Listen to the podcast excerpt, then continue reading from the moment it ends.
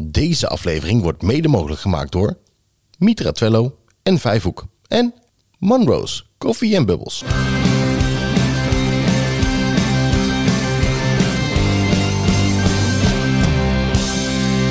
Twee meiden uit het onderwijs, een goed glas wijn en een pot vol stellingen en vragen waardoor ze nooit uitgepraat raken.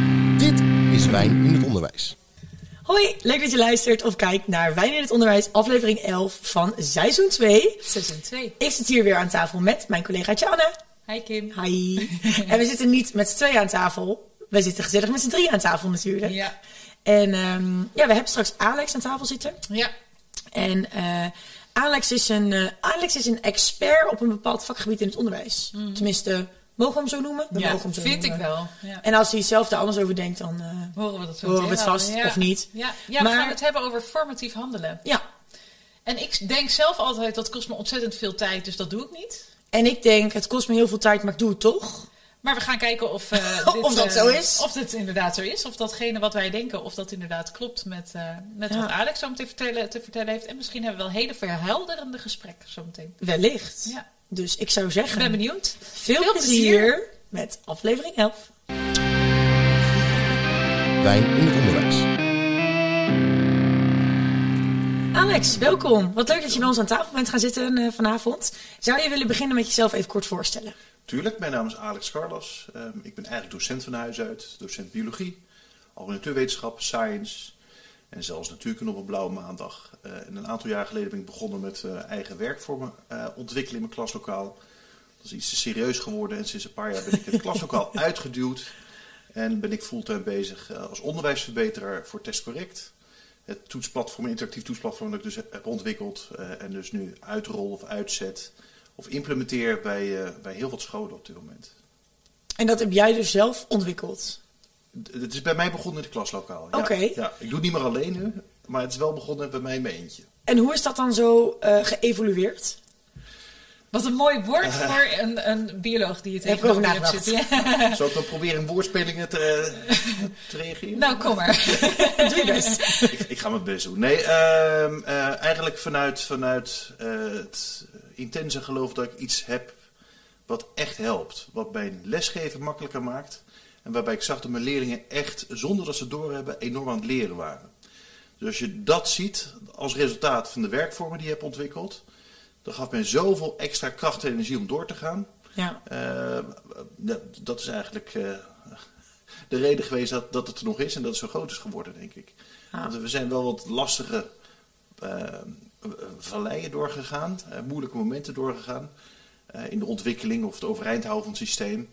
Eh, maar juist het, het rotsvaste geloof en juist ook de, de collega-docenten of de teamleiders zeggen: ja, maar dit is wat we nodig hebben.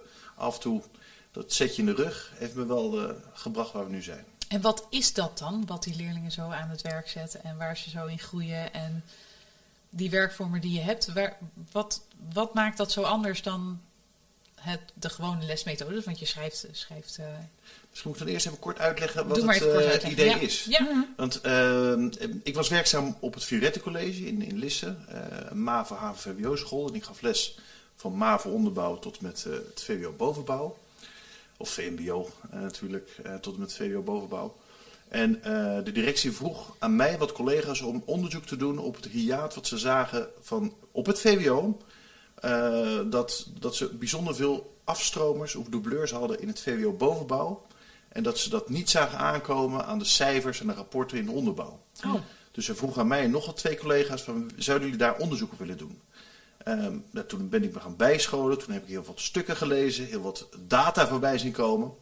Ehm, maar vooral die onderzoeken die ik las, ehm ehm, triggerden mij enorm. Dus ik, ik- daar hou ik dan, om, dan hou ik het vast, dan ga ik nog meer erin lezen.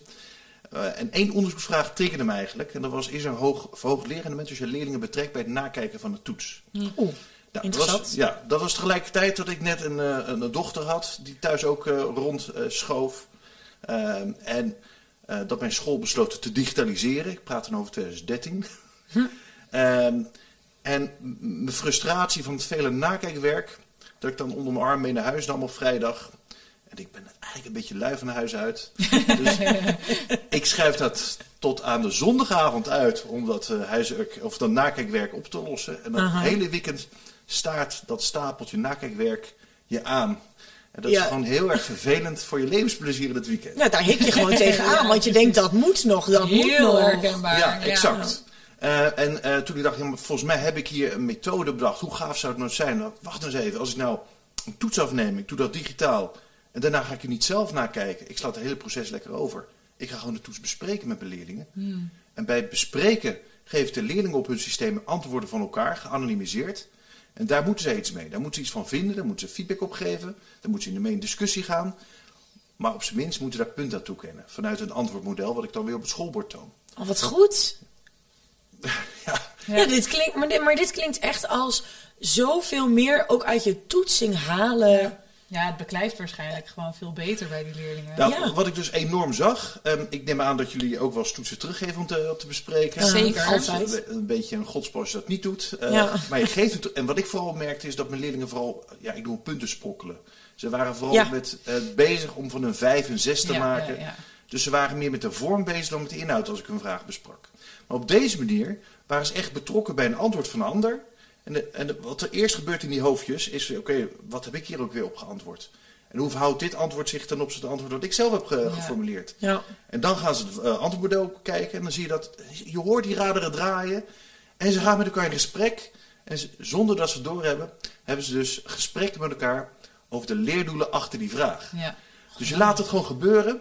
En iemand die langsloopt die niet snapt wat je aan het doen bent, die denkt, wat is dat voor, voor, voor een ruis daar in het klaslokaal? Maar als je oren te luisteren legt bij de leerlingen, hebben ze het eigenlijk over de inhoud van die vraag. En dat is hartstikke gaaf. Ja. Eh, dus dat. En ik kreeg er enorm veel energie van. Leerlingen waren er enorm blij mee. Ehm, deze methode laat ik ook meerdere leerlingen hetzelfde antwoord beoordelen. En als ze allemaal hetzelfde aantal punten toekennen, zeg ik ook nog, nou dan kan ik het nakijken ook wel overslaan bij dat antwoord. Dat geeft dus ook een reductie van mijn nakijkwerk. Maar ik zei, het allerleukste is eigenlijk de, activatie wat plaatsvindt in de klaslokaal. Gewoon Ja. de chemie wat er gebeurt op dat moment. En zonder dat ze het doorhebben, zijn ze eigenlijk aan het leren. En dat is het leukst. Ja. Ja, is voor leerlingen ook heel eff- efficiënt lijkt me. Omdat je gewoon, heel vaak denken ze natuurlijk, oh, moet weer, moet weer de les.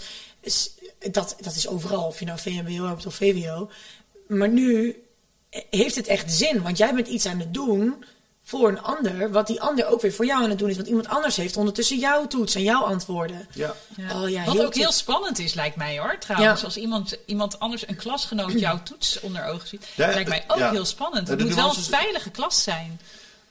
Eh, ja, maar dat is sowieso. Klasmanagement is natuurlijk wel een basis waar Ja. Mhm. je moet starten als goede docent. Eh, eh, eh, dus dat is een andere discussie. Ja, precies. maar als dat goed zit, kan je inderdaad gaan, gaan spelen en experimenteren. Wat werkt wel, wat werkt niet in je klas. Eh, eh, en deze methode kun je op verschillende manieren inzetten. Eh, maar de nuance is wel dat het geanonimiseerd is. Ja, Ja, en bij elke ja. vraag krijg je weer twee antwoorden of meer van andere leerlingen. Dus het is niet zo dat je de hele sessie één collega of eh, medeleerling aan het beoordelen bent. Ja. En juist dat het anoniem is, geeft ook de veiligheid van, van de leerlingen. Ja. Want je kan nog zo goed je klasmanagement op orde hebben. Als, als een kind zich gewoon onzeker voelt over de antwoorden die hij heeft gegeven, is het gewoon heel onprettig Ja. als dat aan publiek door een ander wordt beoordeeld. En hier is het veilig, want het is geanonimiseerd. Eh, en dat, dat, dat werkt gewoon, dat is hartstikke leuk. Leuk. Nou, klinkt superleuk. Ik merk ook dat je heel erg enthousiast bent. Maar ik merk ook dat ik zin heb in een Wijntje, Wijntje. uiteraard, uiteraard. En eh, Kim gaat de uitdaging aan. Ja, Heeft ze besloten voor Eh, zichzelf. Door, ter plekke? ter plekke. Ik heb tijdens, de, tijdens de opnames Ja. gaat ze de fles openen. En het is een fles met een kurk. Keurig. Maar dit komt helemaal goed. Ik heb Ja, heel veel ik geoefend. heb het wel eens geniaal mis zien gaan. Dus eh, ik Doe even probeer zo met een, eh, met een stalig en oh, hij is in één keer er vanaf. Wel, ja. Ik ga met een stalig gezi- gezicht ga ik, eh, voorlezen wat we voor wijn hebben. Fantastisch. En we drinken vandaag maar met z'n tweeën, Kim. Ja, dat Ja, klopt. want eh, onze gast, eh, die drinkt niet. Dat geeft niks. Dat is Nee, alleen hoor. jammer voor het cadeautje zometeen. Maar oké, ehm, komen we straks op terug. Wat, wat gaan wij drinken? Wij hebben een eh Lingrove, toch? Ja, ik ben heel druk. Reservé, Chi- een Shiraz. Doe je ding. Pinotage uit 2019. Hoe dan ook, een, ehm een Shiraz uit Zuid-Afrika. Dit is een vrij krachtige, dieprode wijn. Ehm, trouwens, exclusief verkrijgbaar bij de Mitra. En ook deze week in de aanbieding. Even leuk om te weten.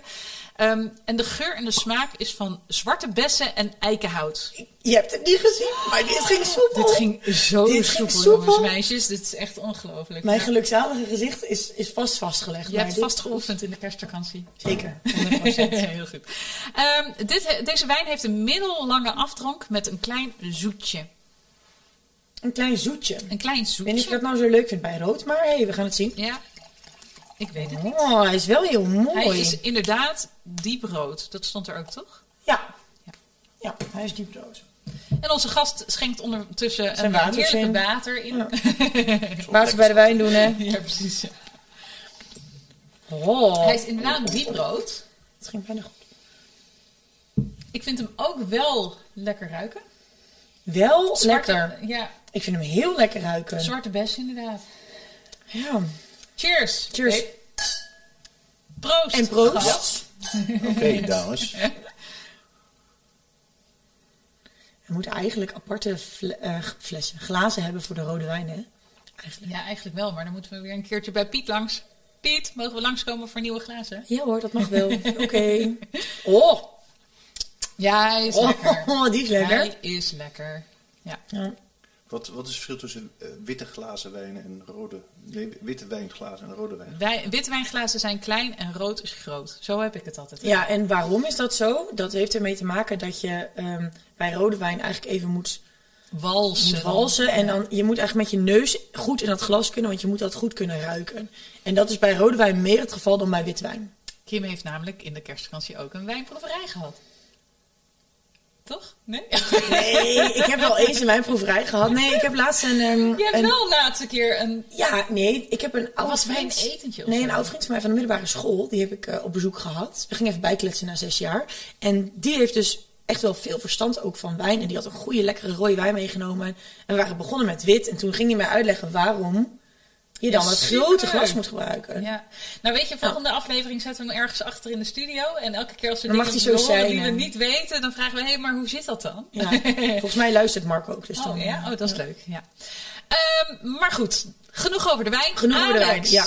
Yes, Zou jij ehm, de eerste stelling Ja. of vraag uit de pot willen pakken? uiteraard. Spannend. Ben echt trots ja, op dat heb je goed gedaan. Echt trots Ja. op. Nou, het even zien. Mooi handschrift. Beter dan die van mij. Ehm, een stelling. Leerlingen werken alleen voor cijfers. Je ontkomt niet aan een cijfer geven aan een formatieve toets. Dat is meteen wel lastig, hè? Maar tegelijkertijd ook weer niet. Moet ik daar als eerst iets over Ja, zeker. Jij bent expert, hè? Wij hebben geen idee. Ja, eh, nou, een expert is een groot woord. eh, maar er, is wel een, eh, er heerst wel een misconceptie dat cijferloos toetsen hetzelfde is als formatief toetsen. En dat is absoluut niet het geval. De vraag is vooral van wat doe je met die toets en waarom zet je die toets in of het, een- of het een formatieve toets maakt of niet. En bij een formatieve handeling of een formatieve toets of een formatieve opdracht gaat het met name dat je focust op het leerproces van de leerling. En de leerling ook. Dat klinkt heel makkelijk, maar dat is best wel moeilijk als we met z'n allen zo prestatiegericht bezig zijn. Ja. Dus als je een oude toets uit de lade pakt en zegt, nou deze gaan we formatief inzetten en vervolgens ga je hem alsnog op de prestatie bespreken, dat is lastig. Als je formatief wil handelen en vervolgens ga je hem af, ook op de prestatie aftikken, of je wordt door je teamleider afgewogen op je prestatie vanuit je formatief handelen, of het kind komt thuis en de ouders vragen naar de prestatie in plaats van het proces. Dat zijn allemaal actoren die ervoor zorgen dat de leerling terugkomt en de verwachting heeft dat hij een prestatie moet leveren. Dus op zich is een cijfer geven niet erg als je, maar iets, als je weet waar je dat cijfer voor geeft. En welk effect het vooral heeft op dit moment, als je naar formatief handelen gaat, is dat hij teruggaat in die conditionering van oké, ik doe het voor het cijfer, ik doe het voor de prestatie. En daar willen ze juist afhalen of uittrekken. Ehm, en dat is best een cold turkey door te zeggen, we gaan het even helemaal niet becijferen, we gaan er even helemaal geen gegevens aan vastzetten. Eh, maar zodra ze wel in het juiste denken en doen zitten, dan zou je er prima cijfers aan kunnen geven. Maar het is heel belangrijk de vraag, wat doe je ermee? Wat doe je met die cijfers? Ja. Ehm, eh, is dat ter ondersteuning van het gesprek bij het proces, hoor, eh, in, in, in het feedbackproces of in, in, in het gesprek met de leerling? Of neem die alsnog weer mee in een weging eh, richting eh, overgang bijvoorbeeld? ja, precies. Wat dan weer een prestatiegedrag kan, kan stimuleren waar je juist van af wilt. Ja. Dus dat is de genuanceerde, het genuanceerde antwoord op deze stelling. Dan heb ik eigenlijk nog een vraag. Ehm, ik probeer zelf meer te doen met formatief handelen. En ik merk dat ik daar wel. eh, ik lees me daar dan over in en ik word daar steeds ietsje beter in. Maar soms dan denk ik, ja, doe ik het nou eigenlijk goed, goed of niet? Wat ik bijvoorbeeld wel eens doe voordat ik aan een nieuw onderwerp begin, bij, ik geef dan Nederlands. Wat ik dan doe is, dan geef ik, een, eh, geef ik allemaal oefenvragen die gekoppeld zijn aan leerdoelen. En dat maken de leerlingen dan, dat leveren ze bij mij in. Ik bekijk dat, zodat ik kan kijken welke leerling valt waarop uit. Of welke leerling heeft waar extra uitleg bij nodig. En dat levert ze dan geen cijfer op. Ze hoeven dat zelf ook verder niet... Zij hoeven dat zelf niet te beoordelen. Maar ik heb dan een inzicht in. Leerling A heeft moeite Ja. met werkwoordspelling. Leerling B heeft moeite met eh, werkwoordspelling en met hoofdletters. Leerling C kan eigenlijk al die opdrachten wel. Maar maakt slordigheidsfoutjes. Doordat hij bijvoorbeeld ehm, niet secuur leest. Want dat zie je bij Nederlands ook heel veel. Dan is het, snap ze de vraag wel, maar dan hebben ze net niet goed begrijpend gelezen. Ja. En dan moet ze bijvoorbeeld een tegenstelling geven en dan geeft ze het antwoord. Hoe zit dat dan? Wat, wat, wat, wat zegt dat dan over het leerproces van leerlingen? Over eh, eh, de activiteit die je zelf Ja? eh, doet. Nou, je bent allereerst goed bezig, omdat je, met je eerst met jezelf begint. En formatief handelen kan ook prima zijn om voor jezelf als docent terugkoppeling te krijgen vanuit de groep. Waar staat mijn groep? Ja. En wat is nou verstandig om, de vol, om bij de volgende zet te zetten? En bij formatief handelen is het enorm fijn als je zegt: eh, ik maak wel lesplannen en lessenseries. Maar eigenlijk moet je een palet aan, aan, aan kleuren en, en activiteiten hebt, hebben. eh, eh, om dat te kunnen geven aan die leerling of die groep leerlingen. wat ze op dat moment hardst nodig hebben. Ja. Dus je kan het niet van de ene dag op de andere dag verwachten dat een docent dat allemaal A paraat heeft en B kan. En de tijd ervoor heeft. Want eh, is het niet ook zo dat je veel meer tijd kwijt bent in lesvoorbereiding en, eh, en ook daarna? Om dus al die formatieve toetsen die je hebt gegeven, om dan te kijken, oké, die moet daar. Dus je bent ook heel erg veel meer aan het differentiëren in de klas. Ik bedoel, daar moet je ook allemaal tijd voor hebben. Nou, daar zijn ook wel trucjes voor of werkvormen voor om er snel, eh, eh, om daar niet alleen maar meer bureaucratische rompslomp mee te creëren. Dat moet je vooral niet willen. Het moet vooral werken voor jou om snel te kunnen schakelen en handelen. Ja. Als jij vervolgens eh 5 FTE aan mankracht nodig hebt om eh, te analyseren wat de volgende stap nodig is, dan, dan sla je de plank mis. Ja. Dus het is een hele prettige start. Ehm, maar ik vraag me dan ook, dan zou mijn wedervraag zijn, hoeveel werk heb je eraan om al die antwoorden eh, eigenlijk na te kijken ehm, en te beoordelen, zodat je voor jezelf een beeld hebt wat de volgende stap is voor die leerlingen? Hoeveel, ben je- hoeveel, hoeveel tijd ben je daar kwijt? Toen ik daarmee begon, lang. Ik denk ehm, dat ik daar per start van de periode wel een uur of vijf aan kwijt was. Aan het ontwikkelen van. eh, maar nu, eh, eh, twee, drie jaar verder, pak ik die, dat, dat werkblad waar ik dan mee start, pak ik weer opnieuw. Ja. Want het onderwerp blijft hetzelfde, alleen Ja. de groep leerlingen is anders. Dus ik hoef het materiaal niet meer te ontwikkelen, dat scheelt. Ik hoef het format voor mezelf niet meer te ontwikkelen. Het Excel-bestand is er al. Ik moet alleen de namen van de klas aanpassen. Ehm, maar dat doe ik in zo'n week, ehm, in zo'n laatste zomervakantieweek, waarin ik weet, ik heb 4a, 4b, 3a, 3b, zet ik al die leerlingen erin. Eh, dat doe ik allemaal in de voorbereiding. Wat ik dan vervolgens doe, wel eens doe, is bijvoorbeeld zeggen, als ik dit in klas 3 doe, tegen klas 4, oké, hier zijn alle papieren van klas 3. Die leerlingen kennen ze vaak niet zo goed of niet. En dan zeg ik, oké, we gaan dit even bespreken. Want zij moeten dit, datzelfde onderwerp doen, alleen een jaar later Ja. en net een andere toets. En dan krijg je dus dat leerlingen elkaars werk inderdaad moeten beoordelen. Ehm, soort van in toetsvorm, maar ik probeer er dan niet het woord toets aan te koppelen. Want zodra mijn leerlingen het woord toets horen, is het, is het voor een cijfer. Ja. Zodra ze iets moeten inleveren, is het voor een cijfer. Is het niet voor een cijfer, zakken ze onderuit. Dan zie je gewoon in die houding veranderen dat ze ja, er nog hun best voor willen doen. Want wat levert het me dan op? En dan kom ik aan met, ja, maar je leert je eigen eh, valkuilen kennen. En je leert waar je goed in bent. En Maar daar hebben ze helemaal geen... Ja, nou weet je, ik heb dan nu in de aanloop naar de examens toe, ehm, do- laat ik ze ook veel werken. Bijvoorbeeld dat ik dan zeg van, jongens, we gaan nu met z'n allen eh, dat oude examen maken van biologie. Mhm. Dus dan weet ik veel, doe maar de examen 2019 gaan we met z'n allen maken. Doe ik dan in eindexamensite.nl. Ja. En dan zie ik dus direct, oké, dit thema, er, 80% heeft die niet goed gedaan. En dan kan ik daarna ook met ze bespreken, oké, deze vraag hebben jullie allemaal niet goed. Ehm, nou ja, dan kan je dus alles eromheen gaan uitleggen. En dat dus ook in je, in je examentraining, want we gaan zo meteen ook weer de examentraining in.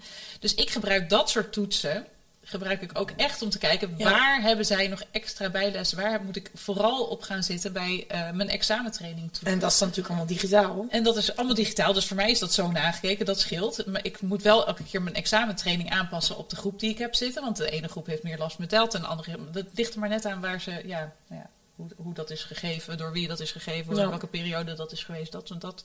Dus daar gebruik ik het wel voor. En dan is het vrij, ehm, voor mij vrij makkelijk Ja, op te pakken. Ik wil hier eigenlijk ook op reageren, maar ik wil ook nog reageren op jou eigenlijk. Eh, Kom maar op. Eh, eerst even naar jou toe. Het is belangrijk die opdrachten kleiner te maken voor jezelf ehm, eh, in de uitvoering ervan, zodat je er vooral niet extra veel werk aan hebt. Ja.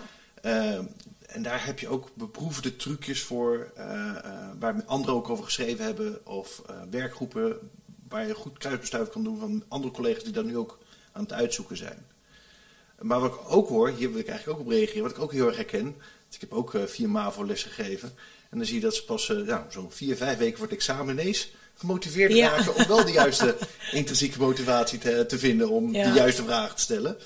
Dus ik vraag me altijd af, hoe krijg ik nou, hoe krijg ik nou voor elkaar dat eh, die drive van die leerlingen en die oprechte interesse van waar moet ik nou zitten voor, voor een goede voorbereiding voor het examen, Ja. Hoe kan ik die drive nou er, elders en jaren eerder ergens Ja, in de tweede al. in principe, ja. Ja, Ja. Ja.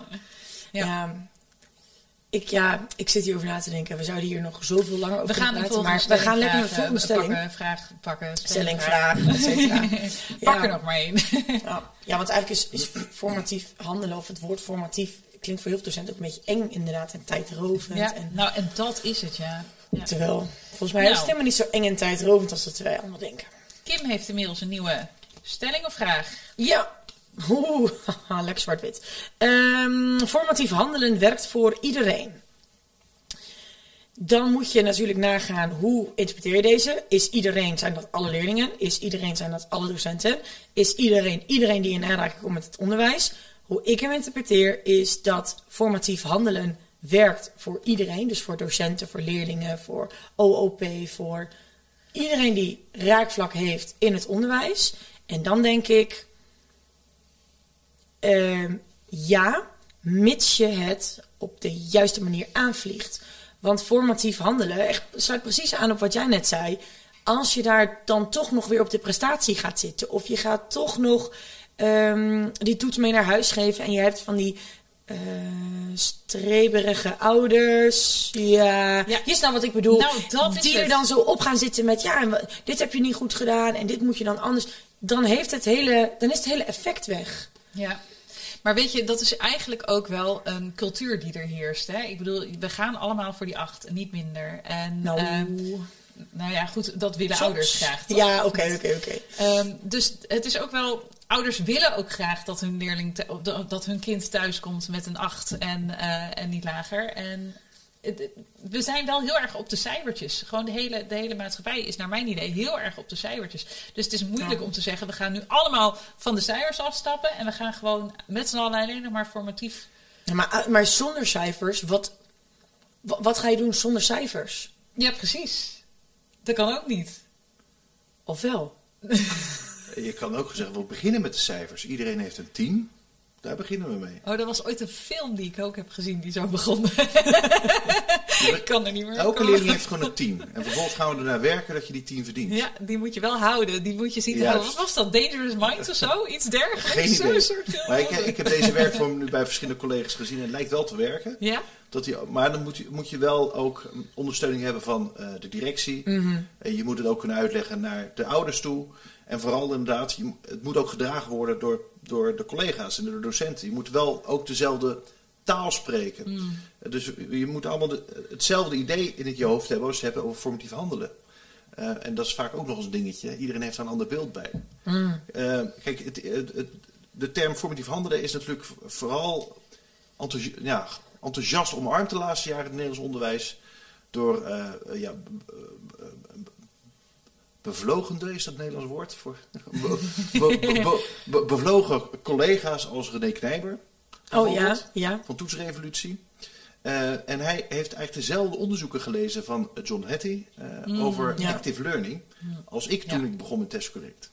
Ehm, met co-learning, sorry. Ehm, en eigenlijk moet je naar de oorspronkelijke stukken waar John Hattie heeft geschreven, of waar die op terecht is gekomen. Wat heeft nou hooglerendement? Het is als leerlingen zicht hebben waar ze staan ten opzichte waar ze moeten zijn. Ja. Het is wanneer de docent zicht heeft waar de leerling is ten opzichte waar hij moet zijn. Al dit soort simpele gegevens bleken dus in verschillende onderzoeken een enorm impact hebben op het, eh, op het rendement op het leren. Ja. Dus dat is een hele interessante. Maar terug te komen naar een team. Eh, collega's eh, in de landen zag ik dus gewoon, we beginnen met een team. En aan de directie uitgelegd, hartstikke leuk dat we dadelijk het schoolexamen hebben. Maar ik zeg wanneer ze schoolexamen mogen doen. Ah, En ze gaan er pas in als ze voor mij een 10 gaan halen. Ja. Eh, en dan heb je een hele andere inkijk naar Ja. het cijfer. En ze zullen niet allemaal een 10 halen, maar in ieder geval wel hele hoge cijfers. ja, precies. Maar heb je dan dat niet- is het, hè? Zo moet het eigenlijk ook. Ja, ja, maar ik zit dan meteen... nee, helemaal niet, helemaal niet. Maar heb je dan niet... Wat ik me dan zo afvraag... Ik, ik ben best wel perfect... Haal best wel maar weg. Ik ben heel erg perfectionistisch. Ik had dat op de basisschool en de middelbare school al. Ik zou gedacht hebben... Oei, ik heb nu een 10. Ik moet alles op alles zetten om die 10 vast te houden. En als ik minder dan die 10 heb, dan ben ik, heb ik gefaald. En dan kan het niet en dan klopt het niet. Even heel gechargeerd, hè? Zo zou ik als puber gedacht hebben. Hoe, hoe vlieg je dat dan? Hoe ga je daarmee om? Ik denk dat je hele eh, essentiële vragen stelt van waarom sta je voor de klas? Wat betekent onderwijs voor jou? Wat betekent onderwijs voor de leerlingen? Eh, dat, dat soort vragen moet je met elkaar gaan verkennen als docententeam. Ja. eh, om hier een antwoord op te durven mogen geven met elkaar. Want dit klinkt heel logisch, hè? Je mag zo, je mag zo. Maar dit klinkt heel logisch, maar dit is het niet. Het is helemaal niet logisch. Als je een gemiddelde leerling vraagt, waarom zit je op school? Wat, wat, wat doe je hier? Een leerling zegt, ik heb geen idee. Ik zit hier voor saus, om even lekker in de taalgebruik van onze eigen leerlingen te blijven. Ehm, ik, ik leer onzin dingen en dat is, zij, zij trekken het enorm uit hun, uit hun verband. Maar voor een heel groot deel hebben ze echt wel een punt. En leren ze echt wel dingen waarvan Ja. ik denk, hoe dan? Nou, weet je, en tegelijkertijd denk ik ook, stel je voor dat ik voor biologie zou zeggen in de derde, hè, want ze beginnen bij ons in de derde, beginnen ze bij ons met, eh met het eindexamen, Schoolexamen, met ja. school, schoolexamen. Ehm, stel dat ik dan zou neerleggen, oké, dit zijn de termen die je aan het eind moet weten. En ehm, ehm, stel dat het nou zo zou zijn dat je een leerling hebt die biologie gewoon superleuk vindt, er supergoed in is. En die eindtermen ook gewoon op zijn eigen tempo, op zijn eigen niveau daar naartoe kan werken. Maar uiteindelijk dus wel al die eindtermen voldoende weten behalen. Waarom zou zo'n kind dan niet na, in plaats van anderhalf jaar PTA, hè, een schoolexamen, na een jaar kunnen zeggen: Oh, nou, ik heb allemaal eindtermen gehaald. Ik ga nu vast voor biologie het eindexamen doen. Fantastisch. Ja, toch? Ja. En eh, nou, oké, ik heb voor Nederlands, dat vind ik moeilijker. Ik sta nu hier, ik moet daar naartoe komen. Oké, daar heb ik wat langer de tijd over. Dan doe ik daar eh, twee jaar over. Bij wijze van spreken. Ja. Dan krijg je dus heel erg gespreid diploma. eh, hè, diploma op maat, gespreide examens. Blablabla. Daar zijn we helemaal niet op ingericht. Kan helemaal niet. Maar in Nee, een leuke in wereld. een droomwereld. Dan zou Ja. dat natuurlijk wel het idee Ja. zijn van... Oké, dit is uiteindelijk waar jij aan moet, moet voldoen... om dat di- diploma bij, voor dit vak te kunnen halen. En als je die, die, die vakken binnen jouw straatje hebt afgerond... dan kan je inderdaad naar een vervolgopleiding. Maar dan, Ik vind het interessant dat je, in- dat je roept in een droomwereld. Ik vind het jammer dat je dat eh, eh, zo stelt. Want volgens mij is dit wel waar we naartoe willen met daar moeten we wel naartoe. Oh, zeker. Maar Maar zolang ons schoolsysteem, is daar nu nog niet op ingericht. oh, zolang ons schoolsysteem zo prestatiegericht blijft en zo gericht is op ik, ik moet als, als vakdocent voor Nederlands echt wel gemiddeld aan die 6,4 komen voor mijn, Ja. voor mijn eindexamenklasse. Zit ik daar te ver boven, zit ik daar te ver onder, moet ik op het matje komen. Maar ze kijken helemaal niet naar wat voor type klas heb je. Hoeveel leerlingen halen dat gemiddelde? Want of dat er 17 zijn of 24, maakt een enorm verschil. Dus ja, droomwereld klinkt dan bijna negatief en, en bijna als een soort van ver van mijn bedshow. Maar dat is wel hoe ik op dit moment kijk naar ons onderwijssysteem. Ja. Ik zeg wel eens tegen mijn leerlingen, ons onderwijssysteem is stuk. Het moet echt gemaakt worden. Ja. Het, moet, het moet hergefabriceerd worden. En dan zou ik dit dus willen implementeren. Ja, want er zit zoveel meer in. Ja, want als je, precies, als je een stapje achteruit doet en naar ons onderwijssysteem kijkt, ik word daar heel verdrietig van. Oh ja, ik ook. Oh, ik heb twee pessimisten aan tafel. Nee. Nee, want ik ben optimistisch. Nou, het is geen droom, dit moet gebeuren. Ja, en dat dit is ook een, het, klinkt een, een utopie, maar het slaat helemaal nergens op dat we zoveel levensuren. eh, Laten we alleen bij de leerlingen hebben, niet eens bij de docenten. zoveel levensuren vergooien omdat ze naar het klaslokaal moeten. Omdat, Ja. er- omdat ze een leerplicht hebben. Ze zitten daar niet van hun, vanwege hunzelf. Ze zitten daar omdat het moet. Ja. Dat is toch zo zo. Er zijn zoveel, er zijn honderdduizend betere scholen als ze de straat op lopen. Waar ze meer aan hebben dan Ja. in die 50 minuten in jouw klaslokaal gaan zitten. Ik zit er maar even heel pessimistisch, hè. Tegelijkertijd zeg ik ook, Het is realistisch. die 6,4 is ook heel belangrijk. We hebben zeker wel een norm gesteld voor Ja. de Nederlandse taal bijvoorbeeld. Of voor biologie Ja, qua seksualiteit. we moeten de kinderen meegeven. Wat, Ja. wat de risico's zijn Precies, en wanneer je grenzen stelt als Ja. mensen aan je willen zitten. Ja. En bij de Je hebt wel een bepaalde basis nodig in je Bij mij, eh, eh, ik, heb nu, ik werk niet meer alleen, ik heb collega's. Maar de achtergekomen. Het is best wel belangrijk om, voordat je mensen aanneemt. Ja. eh, dat, dat, als zij dat niet snappen en niet meekrijgen. Precies. eh, eh, dus er zijn zeker wel momenten dat we zeggen, er moet, er moet door het hoepeltje gesprongen worden voordat ze de volgende stap mogen zetten. Ja. Dus formatief handelen, ja zeker. Maar het becijferen op prestaties laten zien door het hoepeltje springen voordat je de volgende fase mag. Zeker, die 6,4 is niet voor niks gesteld. Of nee, ik moet er niet aan denken dat ik dadelijk het ziekenhuis in mag komen. En dat er een verpleegster is het infusie gaat aanleggen. Die het diploma heeft gehaald op het vertrouwen met een formatief handelen. Ja. Cijfers, zonder het te ja, ik geloof in jou. Jij kunt dit. Ja, Ja. ja. Nee, je ik hebt het nog niet kunnen bewijzen in de... re- Nou ja, goed. Nee, snap je. nee, ik wil ze Eh, wel snappen. eh, de tijd vliegt. Wat doen we? Doe ik nog een vluggertje? Kunnen Ja. we dat? Jij kan dat. Ja, maar soms is het hier meteen ellenlange verhalen Nee, jij- kunt Je dat. weet hoe wij zijn. Aha. Oké, heel snel, want anders ben ik niet geweest. Dat is zielig. Ja. Eh, formatief handelen is een hype. Ja, oké, door. Nee. formatief handelen is een hype. Ja, weet ik niet. Weet ik niet. Ik weet het niet. Jawel, dat is geen antwoord. Je moet antwoord geven. Is formatief handelen een hype? Vind ik dat? Nee, ik denk dat het moet, bij je moet passen, of niet ook. Ik denk dat het ook bij je moet passen. Ik denk dat je pas echt formatief kan handelen op het moment dat je er zelf in gelooft. En op het moment dat je dat dan zelf ook in de klas kan. Ik denk dat de term formatief handelen een hype is. De term formatief handelen Ja, wordt precies, gebruikt als onderwijshype. Ja. Want inhoudelijk, het formatief handelen, als ik nu terugkijk, dan deed ik dat op de basisschool. Op de basisscholen wordt het natuurlijk veel daar meer wordt dat heel veel Ja, gedaan. ja. Alleen het wordt nu te pas en te onpas gebruikt. Ook in bijvoorbeeld vacatureteksten. Kom bij ons werken. Wij werken formatief. Terwijl ze, wat je net heel terecht zegt, geen idee hebben over welke van de 600 definities van formatief we het eigenlijk hebben. Hmm. Want heel seks heb je formatief en summatief. Maar tussen formatief en summatief zitten heel veel lagen. Ja. En ik denk dat dat als hype gebruikt wordt. Ik weet niet of het per se een hype is. Nou, voor jou nog een laatste kreet hierover? Ik ben het eigenlijk met, met Kim eens. Ik denk dat de, de, de, de term enorme trend is, een hype. eh, maar dat eigenlijk, eh, wat is het, oude wijn in nieuwe zakken? Is dat eh, de, de spreek... En de meeste docenten zijn eigenlijk onbewust bekwaam ook hierin. Dus je Ja. moet alleen begrijpen, waar hebben we het over en waar doen we het eigenlijk voor? Ja. En volgens mij is het dat. Tegelijkertijd wil ik afsluiten met dat ik best wel blij ben dat we een, eh, eh, een, een, eh, de mogelijkheid hebben, in Nederland althans, om verschillende onderwijsvormen eh, te mogen vormgeven. Dus elke school bepaalt zijn eigen richting. En dat is best wel uniek. Hm. Ja. Eh, Heel veel landen hebben dat niet. Er- andersom, er zijn maar weinig landen waar dat kan. Dat je zegt, nee, ik hou aan het klassieke onderwijsmodel. Ja. Hè, waar excellente leerlingen alleen nog meer excelleren.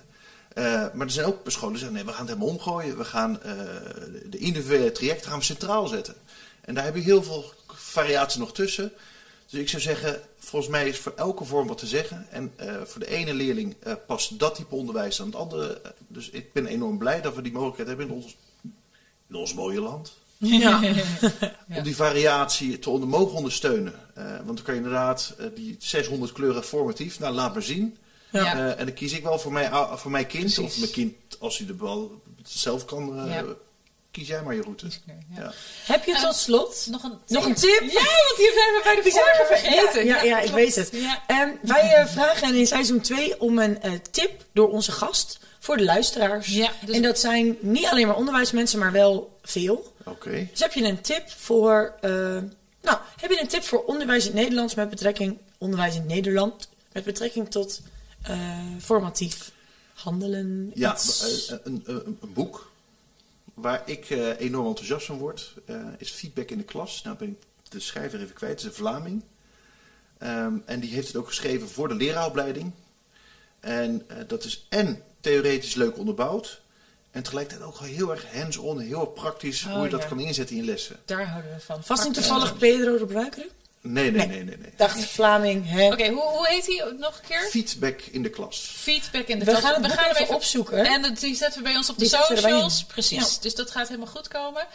Nou, Alex, dankjewel voor dit eh, ontzettend verhelderende gesprek ook wel. Eh, Ja. Ik heb veel meer een beeld van, oké, hoe kan ik het nog meer eh, vormgeven bij mij, het, het formatieve handelen in de klas.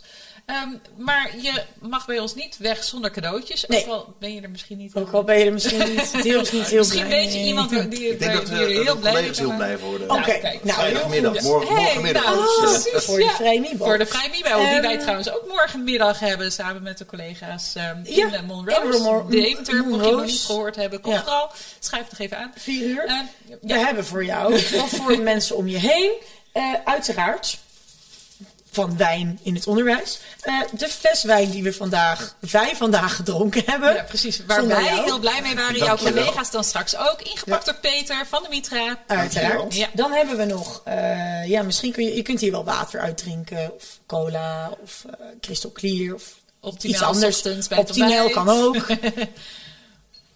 Eén prachtig wijn in het onderwijs wijnglas. Kan ook gewoon leuk in de kast, naast de televisie, Als een soort van trofee. trofee. Precies, Ja, maar die gaat zeker gebruikt worden hoor. Heel goed. We hebben te weinig wijnglazen, zijn we Nou, achtergekomen. Nou, Nou, bij deze. Dan heb je er nu ja. weer eentje bij. En om dit allemaal mee te nemen, hebben we, die ga je waarschijnlijk wel gebruiken. Ja.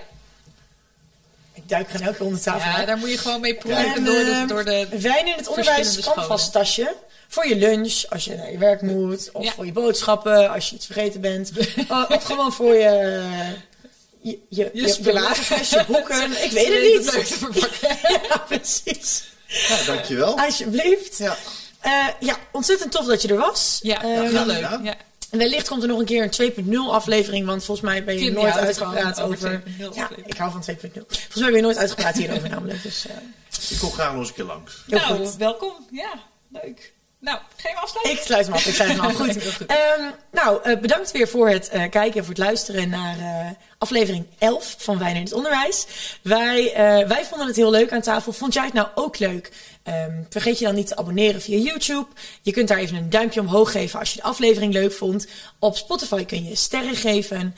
En ook op Podimo, altijd vijf natuurlijk. En ook op Podimo zijn we te beluisteren. Daar kun je volgens mij ook duimpjes omhoog geven. Ja. Eh, we zijn te volgen op Facebook en op Instagram. Wil je nou een keer nog eh, aansluiten aan tafel? Heb je een andere leuke gast? Heb je een leuk onderwerp?